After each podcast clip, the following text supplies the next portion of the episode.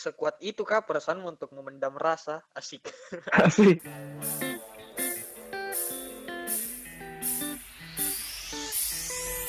Oke, halo teman-teman. Selamat datang di podcast pertama kami. Malam, selamat pagi, selamat sore. Karena kan beda-beda kini tuh tahu waktunya didengar semua. Jadi, pada episode pertama ini kayaknya agak anu kini jadi agak dalam kita temanya nih. Ini Yoi. episode pertama. Iya, baru pertama sudah dalam temanya. Sudah dalam. Bagaimana kalau belakang-belakang? Bah, jangan dong. Kan sudah briefing. Bagaimana Anda Ya, ini? lanjut Om, lanjut Om. Ah, jadi apa temanya ini Nugi? Jatuh cinta diam diam. Hmm, Hmm. jatuh cinta diam-diam. Apakah kamu pernah Nugi jatuh cinta diam-diam? Wah, kebetulan sekali kamu bertanya seperti itu. pernah, pernah, pernah. Saya yakin semua orang pasti Hmm. pernah jatuh cinta diam-diam. Kalau tidak, So- berarti hmm. dia tidak akui saja. Hmm, sama siapa tuh? Adalah orang yang begini-begini tuh tidak perlu disebutkan. Kita Oh. kita ngomong seolah-olah tidak perlu menyudutkan. ada, ada, pokoknya ada lah. Siapa tahu antum keceplosan tuh. Tidak Oke. perlu disebutkan ini. Jadi sepengalaman ini Nugi, toh jatuh cinta diam-diam. Apa Ya. sensasi yang kau rasa itu pada kala itu? Jatuh cinta diam-diam. Mm-mm. Memang di rasanya kayak ada ada yang mengganjal setiap lihat itu orang. Kayak Apa tuh? Kenapa kau ketawa terus kalau ber kalau bertanya kak? apa ya? Pertanyaanmu itu tidak salah tapi caranya menyampaikan itu yang membuat kita seperti agak emosi. Pokoknya ada kayak rasa canggung setiap lihat si doi. Hmm, Walaupun berusaha disembunyikan, berusaha di tidak diutarakan, berusaha tidak ditunjukkan, tapi pasti Heeh. ada kayak rasa yang mengganjal begitu ketiap tiap berpapasan dengan doi. oh begitu. Iya. Apakah kamu tidak mau bertanya balik? Nggak masuk gitu. Barki, Barki pertama begitu. begitu. Kita harus kompak di sini. Kita harus menunjukkan bahwa kita ini bisa sebenarnya. Oh, iya, benar juga. Kalau kamu bagaimana? Apakah Kalau- kamu pernah jatuh cinta diam-diam? Hmm, bagaimana ya? Tentu pernah pastinya. Lalu bagaimana? Eh, itu yang lucu nah. Eh, serius, serius, serius, serius. Pertama, pertama, Eh, cuy, kalau- pertama, cuy. Nah, nah, kalau oke oke. Kalau saya nah, eh, pasti pernah tuh seperti yang kau bilang tadi. Bisa lah kalau seandainya kita kan manusia punya hati itu otomatis pasti pernah lah itu cinta. Eh terus kalau saya itu kayak pengalaman itu mungkin agak sedikit tak gantung lah karena tidak pernah kuungkapkan tuh. Itu mi kalau anu dia kalau misalnya orang disuka sekali tuh dulu tuh pada saat masa-masa remaja itu kayak takut diungkapkan kayak gitu ya karena mungkin takut ki ditolak gitu ya. Kalau saya begitu sih pengalamanku dulu yang paling ini maksudku yang paling mengesankan Jatuh tuh. cinta diam-diam yang paling paling dalam dalam sekali ya, Mi. Iyo yang kayak mental itu kalau setiap hari ketemu dia kayak terguncang itu dalam artian yang dia tidak bisa kita. Kalau dilihat itu tuh pasti nak tahu lah sebenarnya itu. Yang bukan yang bukan Mi jatuh cinta diam-diam yang setengah-setengahnya, jatuh cinta diam-diam yang sudah benar-benar jatuh cinta, Mi. Ya, mungkin begitu. Oke, kalau bicara ki tentang tuh dari dari cinta diam-diam kan pasti tidak pasti erat ki kait- ka- kaitannya lah dengan anu tuh mental tak gitu nah. Kebetulan di sini sudah ada juga teman kita ini yang ahli dalam hal mental. Ya, kita Maksudnya sambut. lah pelajari mental tuh. Oke, kita sambut Kita sambut. ahlinya ahli, Ahlinya ahli. pakarnya pakar, kami Humera. Halo. Halo Nugi, halo Ki. Halo, Halo, halo, halo, halo. Kenalan dulu tahu tapi. Sama Kenalan, kenalan, kenalan. Ayolah, ayolah. Ayolah. An- kenalkan dulu, kenalkan dulu. Kayaknya listener sini mau tahu dulu siapa ini? Siapa itu Tami? ada di listenernya. Ada, dong. ada lah, ada lah. Hai semua, nama aku Tami. Saya mahasiswa jurusan psikologi di salah satu universitas di daerah Jakarta. Hmm, kalau boleh tahu universitas apa itu? Eh, adalah Hmm, merahasiakan identitas. eh, Tidak apa-apa. Biarkan biarkan para listener mau nebak-nebak. Nggak mau di-spill tahu Iki, nggak mau Ah, di-spill. ah. Sama halnya jatuh cinta sendirian itu kan tidak bisa di spill. oh benar. Namanya juga jatuh cinta diam-diam. Deh. Ya, kalau ribut artinya enggak diam tuh. Iya, betul sekali. Wow, aku baru tahu kalau ribut berarti tidak diam. Benar-benar Informasi yang info yang sangat bermanfaat. Wah, terima kasih Nugi. Bermanfaat sekali. Jadi Lanjut, lanjut, lanjut. selain kuliah ini Tami, apa kesibukanmu sekarang? Kalau sekarang kebetulan ada mata kuliahku magang, jadi sekarang lagi sibuk magang juga di salah satu perusahaan. Oh, oh jadi sementara kerja praktik di kalau istilahnya di sini. Iya, uh-uh. Sambil kuliah itu. mungkin nanti nih sambil kuliah sih, tapi kemarin sebulan eh, lagi libur juga, jadi cuma magang saja. Oh, oke oke. Lumayan sibuk ya ternyata Tami. Terima kasih sudah menyempatkan waktu ini Tami. Terima kasih sudah diundang. Oke. Baiklah, mungkin itu saja. Sekian. Weh, weh, weh, weh, belum pi, belum beritanya cuy, belum beritanya cuy. Oh, oh. Sorry, sorry, Baru sorry, sorry. cuy. sorry, sorry. Oh, oke. Eh, mau kak bertanya ini Tami. Iya, Pernah kukah mengalami itu yang dibilang tadi, yang jatuh cinta diam-diam? pernah dong. Pasti pernah lah orang jatuh cinta diam-diam. Ceritain dong. Anjay. Eh, kalau saya mungkin tidak sampai yang kayak tadi Nugi bilang yang jatuh cinta mau kok jatuh cinta sekali mau kok eh, belum belum yang sampai situ. Mungkin lebih ke arah suka lah istilahnya toh. Kadang yang tahu ya teman-teman dekatku ji. Tidak diam-diam di.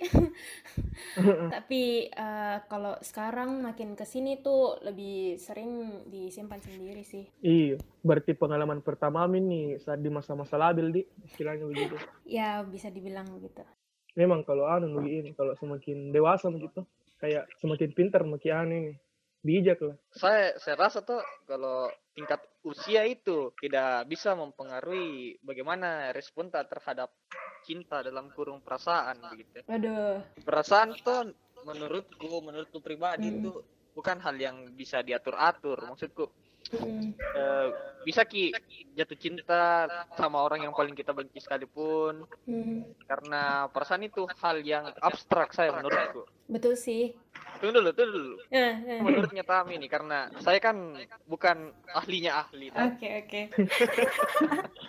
Iya tahu. Sedangkan saudari ini. mempelajari Bagaimana mungkin. itu? Heeh. Eh, betul sih apa tadi yang bilang Nu gitu. Nggak bisa ki memilih kita mau jatuh cinta sama siapa. Kita mau kembangkan perasaan tak sama siapa toh. Tapi sebenarnya kan bisa aja ki pilih eh, bagaimana respon tak. Kalau misalnya ketika kita suka sama orang kita bisa memilih apakah kita mau untuk kembangkan itu perasaan kita mau approach itu orang misalnya ataukah kita memilih untuk menyimpan itu. Dan itu mi tadi yang dibilang eh, jatuh cinta diam-diam kayak gitu Iya, betul yang Nabi bilang Tami. Jadi tuh itu kalau jatuh cinta gitu, eh, ibaratnya itu mengutip salah satu toko kayak takdir gitu tuh, yang di mana tidak bisa kita tentukan untuk siapa itu takdir itu datang kayak begitu ya. Kalau kalau tapi kalau dari saya Nugina, kalau dibilang abstrak tuh tidak tidak tonju juga karena menurutku pasti nih ada pemicunya dari awal begitu ya. Even nanti ke depan kayak mulai mi abstrak tuh, tapi at the beginning itu pasti kayak ada yang memicu begitu. Entah mungkin secara fisik atau secara behaviornya mereka atau atau si doi begitu ya. Dia ndak abstrak-abstrak amat ji kalau saya nah pengalamanku. saya, saya, saya, saya, saya tuh maksudku kenapa menurutku abstrak tuh karena biasa ada dua orang dengan maksudku spesifikasinya sama ji. Asik spesifikasi. Tapi bisa ki jatuh hati ke orang si A tapi tidak ke orang yang si B. Maksudku kadang-kadang itu kalau masalah bicara tentang perasaan itu abstrak itu I. makanya saya bilang kenapa itu perasaan jatuh cinta itu abstrak? Tapi saya Oh. setuju juga yang sama yang na bilang Tami itu. Seabstrak-abstraknya kita jatuh cinta sama seseorang proses pendewasaan itu bukan maksudnya kita tidak bisa jatuh cinta lagi tuh tapi Iya. tentang bagaimana cara tak mengatur cara bersikap cara menanggapi dari perasaan yang timbul begitu mungkin Tami Bisa, Ya, betul, betul sekali. Artinya semakin dewasa itu sebenarnya semakin pintar untuk disembunyikan itu perasaan. Aduh, Tapi kadang juga ini tuh, kadang juga ini. Artinya kita mau ki bersikap untuk diam tuh, ndak tidak mau maksudnya jatuh cinta secara diam-diam tapi dia yang malah melakukan kegiatan approach begitu masalahnya kita ini kayak merasa ki kita kagum sama dia apa sama dia tuh tapi dia tidak sadar ki dan dia menganggap kalau itu hal biasa dan dia melakukan pendekatan-pendekatan yang bikin kita semakin domba-domba gitu ya. Sebenarnya sebenarnya mungkin dia Bagaimana tahu ya? tapi cuman tidak mau berurusan lebih jauh. Siapa? aduh korban Oke. ghosting Terus eh, Tami Iya, kira-kira kenapa kau memilih untuk jatuh cinta diam-diam? Atau pernah kan enggak kau coba untuk ungkapkan gitu dengan kode-kode kah seperti itu? kalau kode-kode sebenarnya ya sih. Jadi pernah nggak kalian dengar tentang love language? baru aku dengar Apa? apa dibilang Love language, Nggak, bahasa cinta. Nah, eh, cerita tak sedikit lah tentang love language. Ah, Jadi love language itu adalah bagaimana caramu mengungkapkan perasaan sayangmu ke orang lain. Bisa ke teman, bisa ke keluarga, bisa ke pacar dan lain-lain. Nah, ini kalau kamu mau tahu apa love language-mu itu ada di, di Google eh, tesnya online. Nanti kau coba cari sendiri. Nah, mungkin tuh kau pernah merasa kayak kok kode mi misalnya orang kok kasih kode atau misalnya kok kasih eh, perhatian atau apa misalnya kok kasih hadiah misalnya ke orang lain. Banyak nih lah cara yang kau lakukan. Tapi kenapa ini orang ndak peka-peka? Atau kenapa ini orang ndak merasa kalau kau suka gitu sama dia? Atau dia dia ndak dia ndak ngeh gitu kalau kau sebenarnya juga punya perasaan gitu ke dia. Nah mungkin toh itu karena love language-mu sama itu orang eh, beda ki atau ndak cocok jadi ini eh, love language itu kalau secara umum ada lima yang pertama itu word of affirmation. Jadi misalnya aku kasih pujian lah atau misalnya aku kasih kalimat-kalimat penyemangat gitu sama eh, seseorang toh. Atau yang kedua itu ada namanya quality time. Biasa mi kok habiskan waktumu sama dia atau kok melakukan kegiatan sama-sama. Terus yang ketiga itu ada namanya eh, receiving atau giving gifts. Di mana kok itu mi tadi kok kasih hadiah atau kau eh, terima juga hadiah dari orang lain. Hadiahnya nih ndak ndak harus besar ya biar hadiah-hadiah kecil gitu yang yang penting Kayak kelihatan gitu wujudnya dalam bentuk barang, perhatiannya nih orang. Terus yang keempat itu ada namanya acts of service, di mana eh, kau itu suka kalau misalnya kau dibantu eh, ketika misalnya eh, ada pekerjaan yang eh, atau ada tugasmu misalnya terus dibantu kok. Nah itu kayak kok senang atau misalnya kok senang malah untuk bantu orang untuk kasih perhatianmu gitu ke orang. Misalnya belikan ki eh bukan itu tadi giving gift misalnya kau bikinkan ki sesuatu lah misalnya kau bikinkan ki minuman kah kau bikinkan ki apa gitu. Pokoknya melakukan sesuatu. Nah terus yang kelima itu ada namanya physical touch. Ya gimana nih? Sentuhan fisik terus juga misalnya kayak pelukan rangkulan itu itu kau suka misalnya eh, kasih atau kau suka kalau misalnya dikasih sama orang. Nah kalau saya sendiri eh, love languageku itu eh, adalah physical touch sama word of affirmation. Jadi kalau misalnya ada orang yang aku suka, sering kak misalnya kasih ki pujian kayak ih bagus rambutmu eh sudah kau cukur ya atau misalnya ih bagus bajumu. Misalnya atau kayak eh, misalnya aku tahu ki dia lagi stres gitu atau misalnya dia lagi misalnya ada sudah bikin terus aku puji atau aku kasih semangat gitu bilang semangat kona eh, sebentar eh, proyekmu atau apa. Kayak gitu sih kalau saya. Hmm, ternyata ada di begitu teori. saya juga baru tahu ini iya.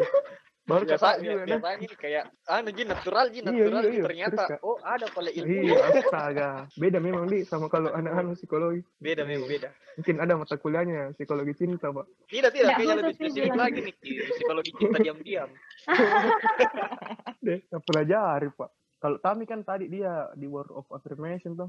Mhm. Hmm, kalau saya itu lebih ke anu tadi yang bilang kayak quality time lah. oh Mm-mm. jadi apa yang biasa kau lakukan kalau misalnya kau kasih kode sama orang gitu yang kau suka Kalau saya Mm-mm. yang kapan ini dulu? Maksudnya kayak yang pas kita pas kita secara biasanya yang diam-diam sering atau yang secara sering. biasa yang pas sekarang nih kan beda itu. eh, biasanya Oh, biasanya oh. bagaimana Oh biasanya kalau saya biasanya ya ya kayak misalnya itu minta tadi kayak ada kusuka tuh langsung aku bilang, weh kerennya nu, kerennya ini. Hmm. Terus kayak bikin eh, sering kak lihat ki secara diam-diam deh kacau ini. Ndak ndak ndak sestalkeran dia yang kayak searching apa tuh sosmednya. Karena itu tadi menurutku kayak akan akan menghilangkan ki anu itu kealamian ketika misalnya ketemu ki dan bertanya tuh. Karena ditahu Hmm. di belakang dengan di stalking. Kayak mungkin itu ya kayak suka kak aja ki bicara. Bukan suka iya kayak pasti ku aja ki bicara. Walaupun susah kah karena di sisi lain pasti berdebar-debar atau di belakang. Mhm. Hmm, intinya itu dia. Sering kak lihat ki pasti. Sering kak beri pandangan atau curi-curi pandang secara diam-diam gitu. Kalau Nugi iya bagaimana? Kalau saya kayak memang di sering kak memberi apa senang kak kalau misalnya dia minta tolong terus ku bantu. Padahal dalam hati tuh kayak bilang kak ah bikin susahnya nih orang. Tapi kayak ku nikmati juga pada akhirnya padahal banyak tuh juga urusanku yang lain Berarti acts of service di Hmm, tapi kalau begitu Tami, kalau misalnya beda ki bahasa cinta tak berarti tidak bakalan ketemu gitu di susah. Ki, untuk saling tahu begitu.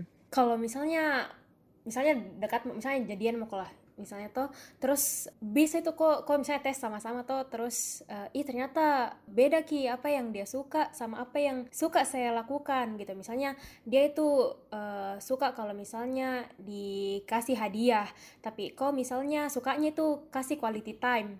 Toh kayak ih sebenarnya misalnya ketika kau quality time sama ini partnermu tuh kayak kok sebenarnya merasa sudah ini mi rasa sayangku. Begitu ini bisa tunjukkan rasa sayangku ke kau. Tapi dia merasa "Eh, bukan ini gitu toh. Eh, saya tuh maunya dikasih hadiah misalnya. Sebenarnya Oh, Eh, sebenarnya bisa sih. Eh, bukan bukan berarti bilang kalau begitu.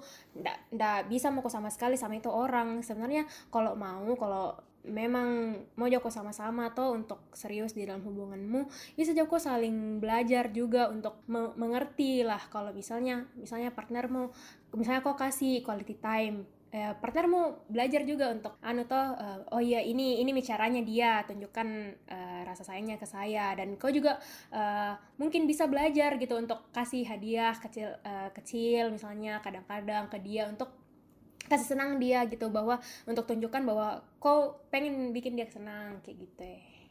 tapi yang susah kayaknya menurutku tuh ketika bukan berbeda tapi bertolak belakang misal si cewek kan kasih hadiah ke si cowoknya dan akhirnya si cowoknya malah risih bilang apa sih apa sih kasih kasih Mm. hadiah kan Mm-mm. begitu eh, padahal itu minta tadi Nugi. Karena karena beda ki mungkin anunya love language-nya tuh. Mm-mm. Itulah itu yang bikin susah. Padahal ini ceweknya kayak menunjukkan rasa cintanya atau maksudnya sebagai pengorbanannya ini cewek ke si cowok untuk memberikan sebuah hadiah kan? Tapi cowoknya malah Iya. kayak responnya berbeda ya karena pemahaman yang berbeda juga. Karena menurutnya mungkin cow- cowoknya cara memberikan affection kan? Cara memberikan cinta itu dengan apa misalnya quality time berdua atau apa Iya. tapi ini si cewek malah memberikan hadiah dan ini cowoknya akhirnya merasa risih begitu Mm. Iya. Kalau begitu sih menurutku kan pasangan yang baik, cie. Kalau pasangan yang baik kan pasti kau mau berusaha lah untuk saling pengertian toh satu sama lain. Jadi kalau misalnya memang misalnya kau merasa risih eh, antara kau berusaha juga memahami dia begitu ya bahwa itu mi caranya dia atau eh, kau bisa mi bilang sama dia juga toh bilang jangan mau kau terlalu sering misalnya kasih kayak gitulah. Kira-kira sih menurutku kayak gitu. kembali ke topik kembali ke topik Iya. jatuh cinta diam-diam dulu ini jatuh cinta diam-diam Hmm. dulu nih terlalu terlalu dalam mungkin menyelam ke dalam situ iya. Bagus karena pengetahuan baru tuh ternyata ada Iya, bahasa tahu. cinta paling. love language saya kira tadi tuh Iya. waktunya bilang love language mirip-mirip barangkali bahasa Makassar itu love language atau bagaimana kah bahasa apa kah itu bahasa Jerman kah bahasa Prancis Tidak kah? ada tidak ada di kepalaku nah gambarannya tadi. Tapi berbicara mengenai itu tuh tadi orang yang jatuh cinta diam-diam kayaknya itu apa di bukan tidak ada tapi terlalu sulit itu nak tampilkan anunya deh love language-nya begitu kan memang atau bagaimana itu Eh, gimana maksudnya? kayak kayak misalnya tuh begini misalnya ada orang yang disuka ini tuh tapi kan namanya orang jatuh cinta diam-diam kayak ndak pedean kayak begitu tuh. Ah, maksudnya mereka juga mungkin mungkin nggak tahu di love language-nya tuh sudah minta Mm. tebak-tebak tapi in the end kayak tidak berat tidak berani ki biasa ya. Kayak takut ki Hmm. tolak atau terus overthinking kira mungkin. Kira-kira bagaimana itu solusinya untuk mereka tahu ya? Kayak takut ki kode lah. Takut ki kode ke doi iya Kayaknya jauh sekali makin nih membahas ini di. Jatuh cinta diam-diam. menyinggung personal lebih kan.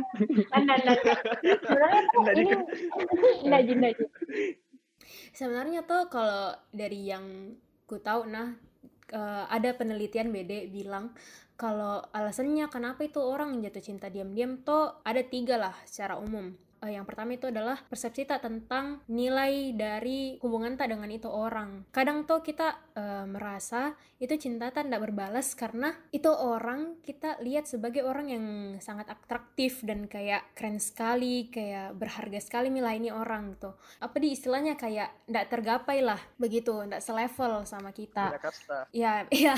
Hmm.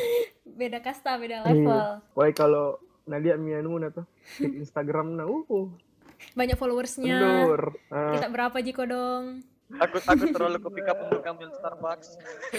nongki di tempat-tempat fancy deh. Yang kedua tahu yang kedua. ya yang kedua itu adalah persepsimu tentang kemungkinan hubunganmu di masa depan jadi tuh misalnya kadang tuh eh, merasa kok kau lihat ada kemungkinan ada possibilitiesnya itu hubunganmu bisa berkembang ke jenjang yang lebih selanjutnya misalnya eh, punya kok teman.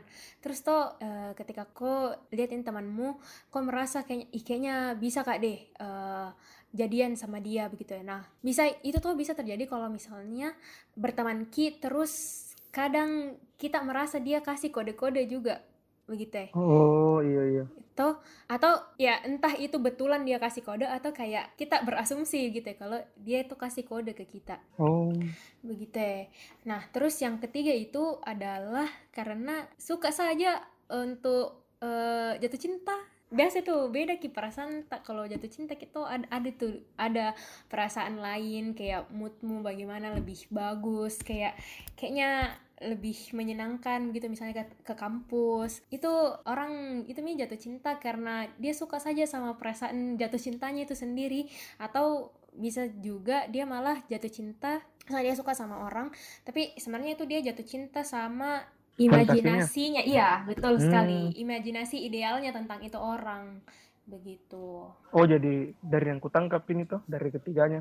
Mm-mm. Jadi ke, ini orang yang jatuh cinta diam-diam kayak ndak realistis. N- entah bukan mm, mungkin ya ada yang kadang tidak realistis ada yang kadang sebenarnya belum tahu gitu bukan dia bilang tidak realistis dan tidak realistis kan artinya sama sekali berbeda toh tentang apa yang ada di pikirannya dengan apa yang kenyataannya kadang mungkin sama ji cuman eh, dari dianya sendiri juga tidak yakin bahwa apa yang ada di pikirannya sama yang kenyataan itu betul sama gitu ya Hmm, tapi kalau dari saya itu tuh, kalau saya pribadi itu kayak takut diki bilang ki biasa tuh. Kan pernah kak juga mengalami fase ini. Kayak takut ki ditolak begitu ya.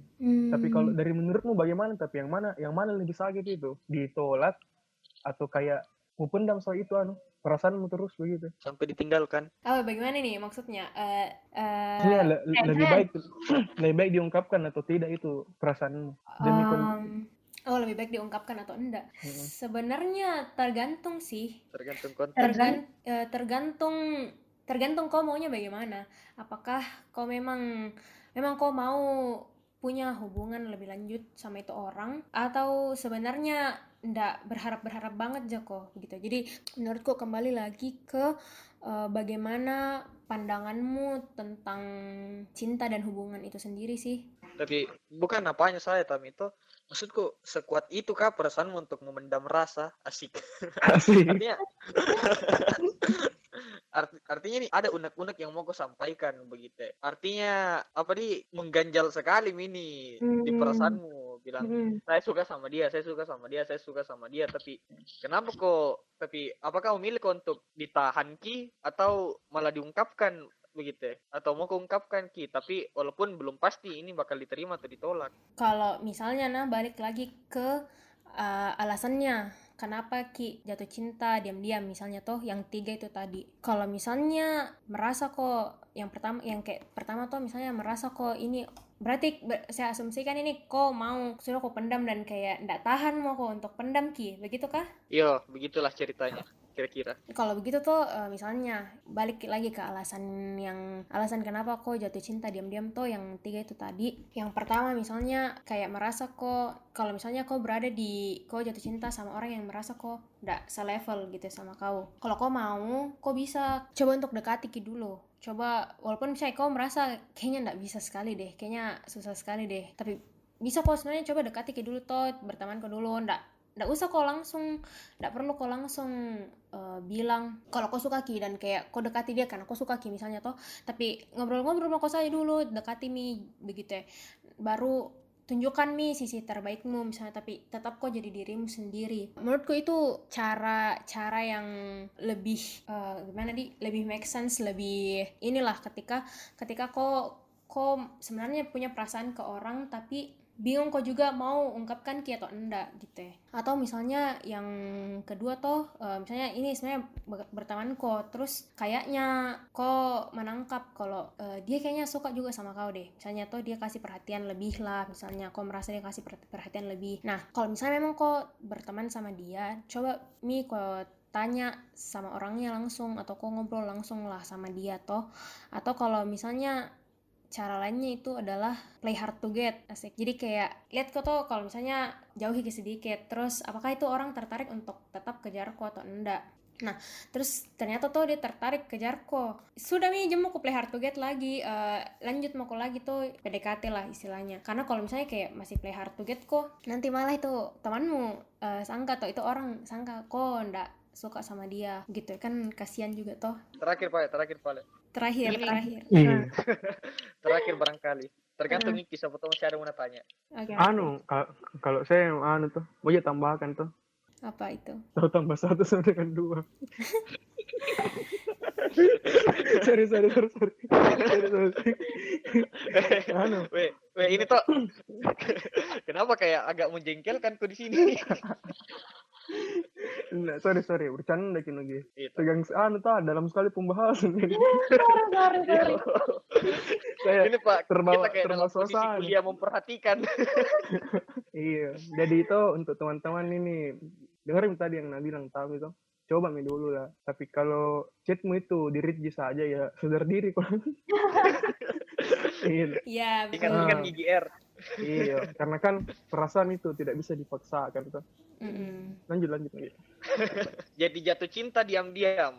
Baik Hmm. atau tidak? Bagaimana ini Tami? baik atau enggak bisa baik bisa enggak Kenapa?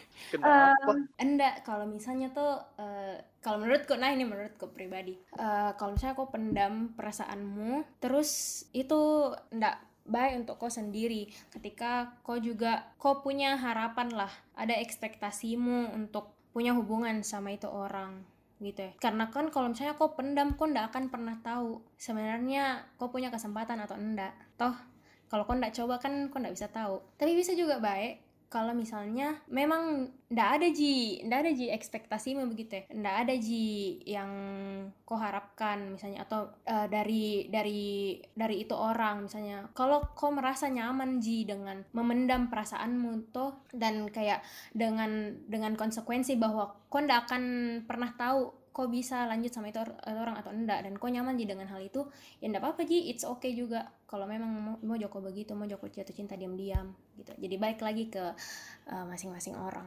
Oh, Oke. Ya jadi itu teman-teman coba mi dulu tuh. Tidak ada salahnya mencoba. Ya setidaknya ketika kita mencoba ada kemungkinan tuh untuk siapa tahu suka juga. Dua juta kemungkinannya gagal atau diterima ya 50-50 Coba lah saya dulu. Tapi kalau Nabi bilang Tami bisa jika tahan kisah sakitnya itu jatuh cinta sendirian, hambarnya duniamu itu jatuh cinta sendirian. Ya silahkan. Terserah Sempat Anda. tahu nyamannya nyamannya adalah jatuh cinta sendirian Ki. Karena tidak semua kan Iya. seperti bilang Tami itu tidak semua orang mau mengungkapkan sebenarnya perasaannya bukan dalam artian bukan dalam artian tidak mau mengungkapkan karena takut atau apa karena memang tidak mau berharap tidak ada harapan untuk melanjutkan hubungan yang lebih bagaimana Tami itu Hmm, Iya. iya. Kalau begitu ya jamu komunika pale. bukan tidak mau menikah juga ada memang ada memang subjek tertentu misalnya antara kau dengan orang tertentu gitu ya Siap, siap, siap. siap tapi kan bahkan menikah sendiri juga enggak semua orang mau ada orang yang enggak mau juga jadi Hmm, balik lagi ke tiap orang iya. ya kembali ke, ke konteks kita Hmm. Jadi untuk teman-teman di kalian saja pilihan tuh. Apakah mau mencoba berusaha atau mau diam-diam? sempat ada kata-kata ini untuk teman-teman di luar sana yang sedang jatuh cinta diam-diam asik Iya.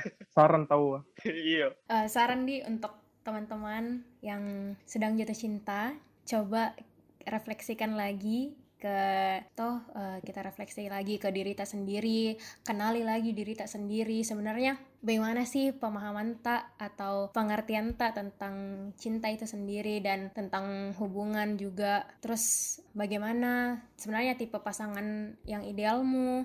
Dan setelah itu boleh mau kok cari tahu gitu setelah kau paham sama dirimu sendiri setelah kau paham cinta menurut cinta menurut dirimu sendiri itu bagaimana silahkan nih kembali lagi ke kau apakah kau mau eh, jatuh cinta diam-diam atau mengungkapkan perasaanmu Oh, Oke, jadi pilihannya kembali lagi untuk teman-teman semua. Muka tambahkan tapi aku kak dikalah seperti kalau bagus saranku ini.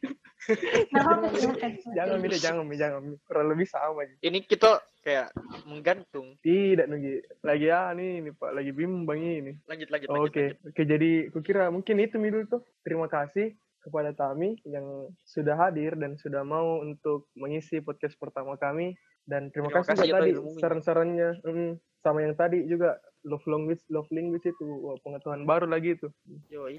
Hmm, terima kasih sudah diundang.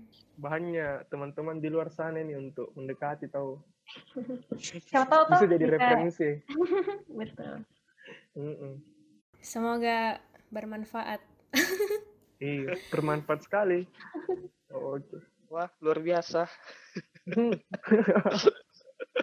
lanjut lanjut lanjut Nugi. Mungkin Nugi tahu ada mau disampaikan? Jadi ini adalah podcast pertama. Hmm, Jadi untuk berikut-berikutnya mungkin bakal ada sequel. Sequel kan namanya Ki. sequel ya Sequel dari pembahasan-pembahasan tentang tanda- dalam tanda kutip cinta. Iya. Jadi tuh kita ini kayak bikin ki- podcast yang saling berkesinambungan satu sama lain begitu. Ini kan yang pertama. Terus nanti yang kedua, ketiga, dan keempat itu semua saling relate. Oh, sampai empat Diki kah? Enggak sampai sampai delapan.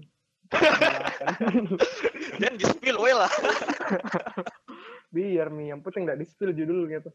Oh, iya tahu. Iya. Intinya di delapan episode itu kita akan membahas yang berhubungan dengan hubungan. Gitu. Ya, mungkin itu Jinugi. Nggak mau di spill ini kira-kira berikutnya ada apa? Kalau berikutnya pilihannya itu mungkin tahap setelah jatuh cinta sendirian lah. Mungkin itu. Kira-kira kalau di pendengar apa yang terjadi setelah kita jatuh cinta sendirian? Apakah lanjut atau tetap jatuh cinta sendiri sampai tidak menikah Iya. Mungkin itu Jinugi kalau dari saya. Oke, Oke. sudah cukup lama Miki kayaknya di durasi banyak juga Agak panjang mi durasi. panjang ya Mbak. Kalau itu mungkin itu Ji, dari saya. Terima kasih kepada teman-teman yang sudah mau datang mendengar pada podcast kali ini semoga bermanfaat dan semoga mampu menjadikan referensi untuk membuat hidup kalian itu menjadi setidaknya lebih berwarna lah kalau lebih baik kan belum tentu terlalu berat menambah hasanah ilmu ilmu Oke. dekati odo-odo Terima kasih kawan-kawan. Saya Nugi Anugrah. saya Iki Rizky Perdana pamit undur diri bye bye semua Bye bye.